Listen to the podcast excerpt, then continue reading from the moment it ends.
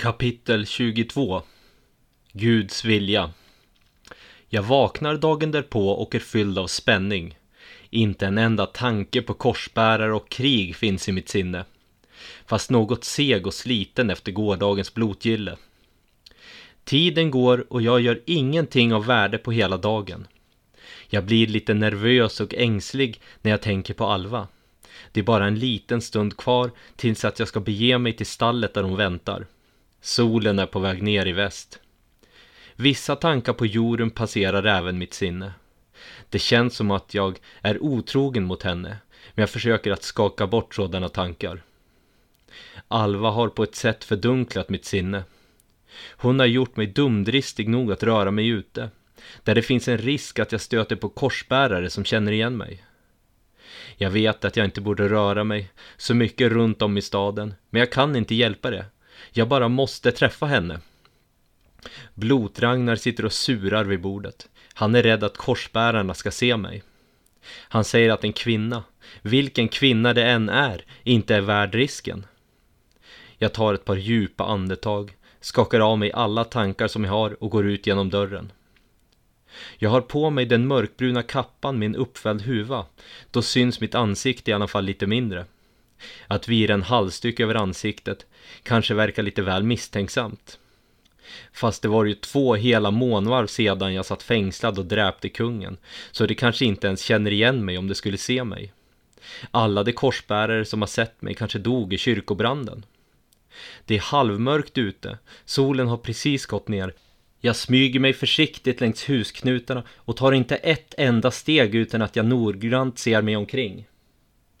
Vid ett stort timmerhus längre fram står två stycken korsbärare och hugger ved. De tittar inte ens åt mitt håll. Jag hukar mig ner vid en nedbrunnen eldstad och låtsas rota i den. Sedan vänder jag om och går på andra sidan av ett närliggande hus för att undkomma deras blickar. Efter ytterligare en stunds smygande så kommer jag fram till stallet där Alva väntar. Jag går in. Hon står där och borstar den svarta manen på sin häst.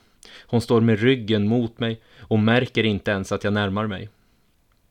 Jag smyger fram med knäpptysta steg på det hötäckta golvet och lägger mina händer över hennes ögon. Hon rycker inte ens till. Jag visste nog att du skulle komma, säger hon glatt och vänder sig om. Vi kramas och håller om varandra ett tag. Sedan börjar vi plötsligt att kyssas och det hela slutar med att vi idgar älskog på golvet framför hästarna. Efteråt håller vi om varandra ett längre tag och pratar om allt möjligt. Jag borde känna mig upprymd, men istället känner jag mig nedstämd inombords. Tankar på jorden flackar hela tiden genom mitt sinne och jag känner mig skyldig. Månen vandrar över himlavalvet och det börjar bli dags för mig att gå. Vi kysser varandra och jag lovar henne att hälsa på imorgon med. Något motvilligt. Natten är riktigt mörk när jag beger mig mot huset jag övernattar i. Jag går genom staden och mina tankar spretar åt alla håll. Plötsligt kommer det fem stycken män mot mig. En tanke slår mig. Jag går mitt på en upptrampad väg utan att dölja mitt ansikte. En rädsla griper tag i mig. Männen kommer emot mig. Jag blir stel och skräckslagen. Det är för mörkt för att se vilka det är. Man ser bara deras silhuetter. När det kommer närmare hör jag rassel. Rassel av ringbrynjor. Det är korsbärare.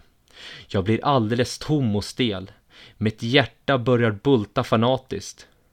Vad ska jag göra? Ska jag springa iväg eller ska jag låtsas som ingenting? Jag väljer det senare. Om jag springer iväg så kommer det att hinna ifatt mig. Jag har inte heller något bra vapen att försvara mig med. Bara kniven. Den duger inte mot fem stycken korsbärare. Jag fortsätter att gå framåt, med blicken fäst på den snötäckta marken. Bara ett par steg till och det är förbi mig. Varje steg känns som en hel evighet. Jag känner hur svetten fullständigt rinner på mig. De fem korsbärarna passerar mig på min högra sida. De passerade mig. Jag ökar takten för att komma bort snabbare. Rasslandet tystnade. Stannade det? Jag vågar inte ens vrida på huvudet för att titta efter. Plötsligt kastas jag till marken. Två stycken korsbärare tar tag i mig och reser upp mig. Det här är slutet, tänker jag. Jag blir alldeles trött och anfodd av tanken. En av dem tar mig på pannan och lyfter upp mitt huvud för att begrunda mig. Det är han, utbrister han. Det är han som dräpte kungen med en pil. Jag känner igen honom, utbrister en annan. Jag börjar att rycka, sparka och stöta allt motstånd som jag kan. Det är lönlöst, men jag ger inte upp. Jag kommer inte åt min kniv som jag har innanför kappan. Det smäller till när jag får ett slag över munnen och jag lugnar ner mig. Slaget tar glöden ur mig. Mina läppar börjar att blöda och blodet droppar ner i snön. Jag faller ihop. Från ingenstans kommer en hård spark i magen. Nu är jag oskadliggjord. Det föser mig fram mot den nattsvarta stenfästningen. Min mun värker och mina tankar snurrar. Oden, Freja, Frej, Tor och Tyr, hjälp mig! Blotragnar, Tyke Röd, Idun och Torgrim, var är ni? Det föser mig genom stenfästningens stora port. Upp genom stentrapporna till kungasalen. I högsätet sitter nu en mörk man med svart hår, svart skägg, ringbrynja och en brun huva. Han ser ut att tillhöra samma folk som broder Nikolaus och broder Abramo som kom till min hembygd. Jag känner mig så rädd och svag att jag håller på att tuppa av. Korsbärarna slänger ner mig på golvet framför honom och sparkar och slår på mig tills jag är nästintill avtuppad. Jag ligger på mage på golvet och kvider. Hela kroppen verkar.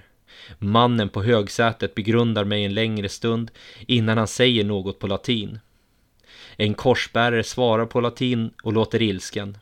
Ett högljutt och hetsigt samtal på latin bryter ut och det slutar med att mannen på högsätet pekar på mig.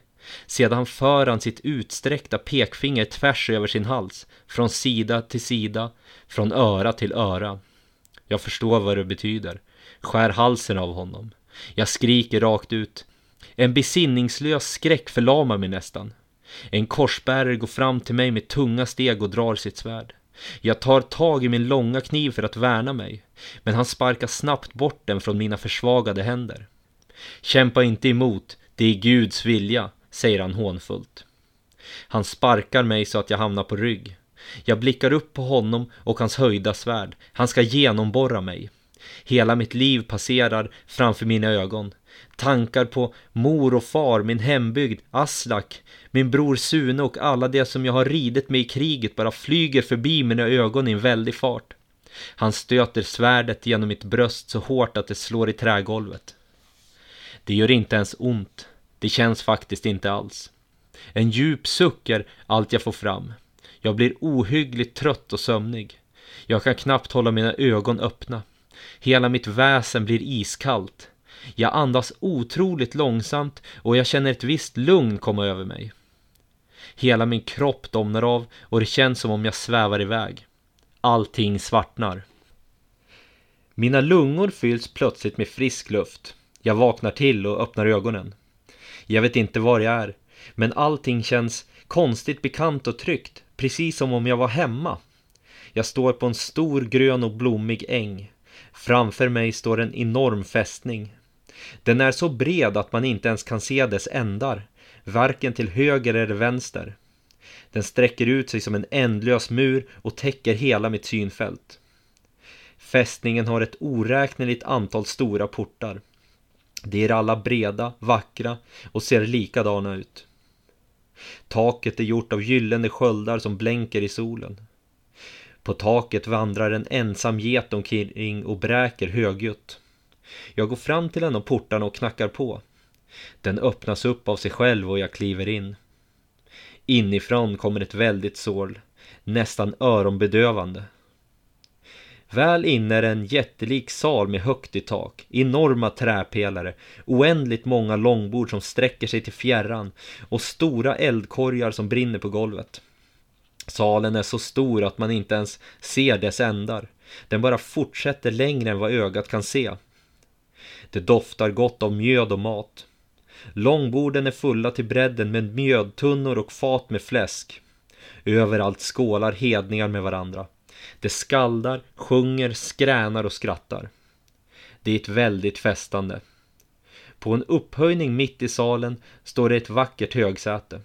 På det sitter en man med långt grått skägg och långt hår. Han ser ståtlig ut och han blickar ut över salen. Jag begrundar honom närmre. Han har bara ett öga. Där det andra ögat bör vara är det bara ett tomrum. Vid hans fötter sover det två stycken vargar och på högsätets ryggstöd sitter det två stycken stora svarta korpar. Vid hans sida vilar det ett vackert spjut. Plötsligt slår det mig. Det här är Valhall och mannen på högsätet är Oden. Vargarna vid hans fötter är Gere och Freke och korparna på ryggstödet är Hugin och Munin. Spjutet vid hans sida är Gungner. Jag dog alltså och kom till Valhall, tänker jag. Tanken känns inte alls skrämmande eller besvärlig på något sätt. Jag tittar mig omkring i salen. Vid ett långbord ser jag någon som jag känner igen. Dock så kan jag inte säga varifrån.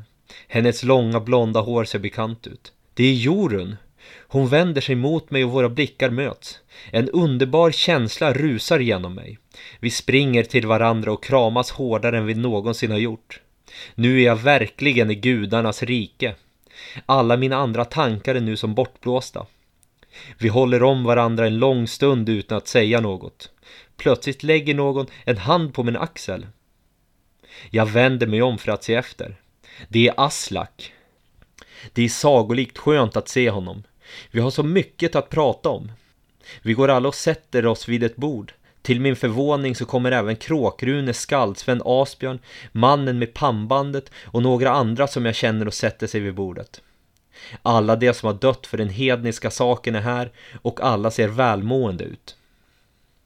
Asbjörn sträcker fram ett dryckeshorn med det godaste och klaraste mjödet som en strupe någonsin har fuktats med. Blotragnar, Tykeröd, Idun, Torgrim och de andra ansluter väl snart till festen, tänker jag.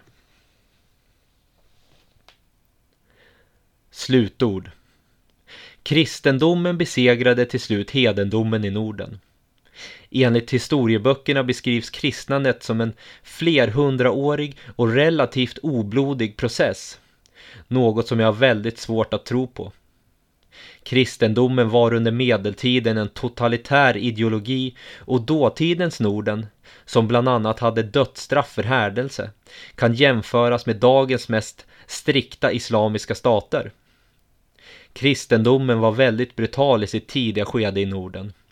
Historiska källor, dokument och fynd säger oss att Inge den äldre, en kristen kung, brände ner det mystiska hedna templet i Gamla Uppsala. Den medeltida kyrkan på Frösön är byggd direkt ovanpå en tidigare blotplats och på flera håll i Norden är runstenar inmurade i kyrkväggar. Kristna missionärer svepte från land till land med löften om himmelriket. Sedan drog även kristna arméer fram och krigade mot icke-kristna i andra delar av världen. Men hur mycket de kristna missionärerna än försökte så var det svårt att få folket att sluta med de hedniska traditionerna. Man bytte då strategi och istället kidnappade man traditionerna. Skördeblot blev skördefest och senare Mickelmäss. Alvablot blev alla helgons dag och midvinterblot blev Jesu födelse. När de kristna nådde en kritisk massa så blev Norden kristet. Och senare blev kristendomen statsreligion.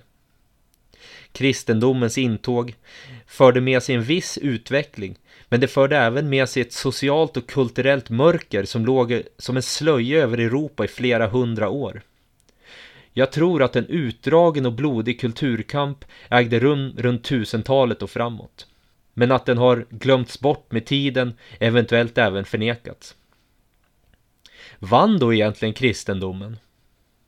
Lite överallt ser vi än idag spår av hedendomen, framförallt på våra vägskyltar och namnen på våra veckodagar. Inom populärkulturen är hedendomen i allra högsta grad levande.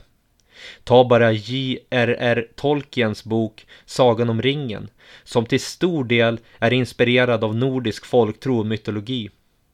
Eller Marvel Comics superhjälte Thor, som är baserad på asen Tor. Varje år möter vi även den hedniska midsommarstången, julgranen, julbocken och majbrasan med mera.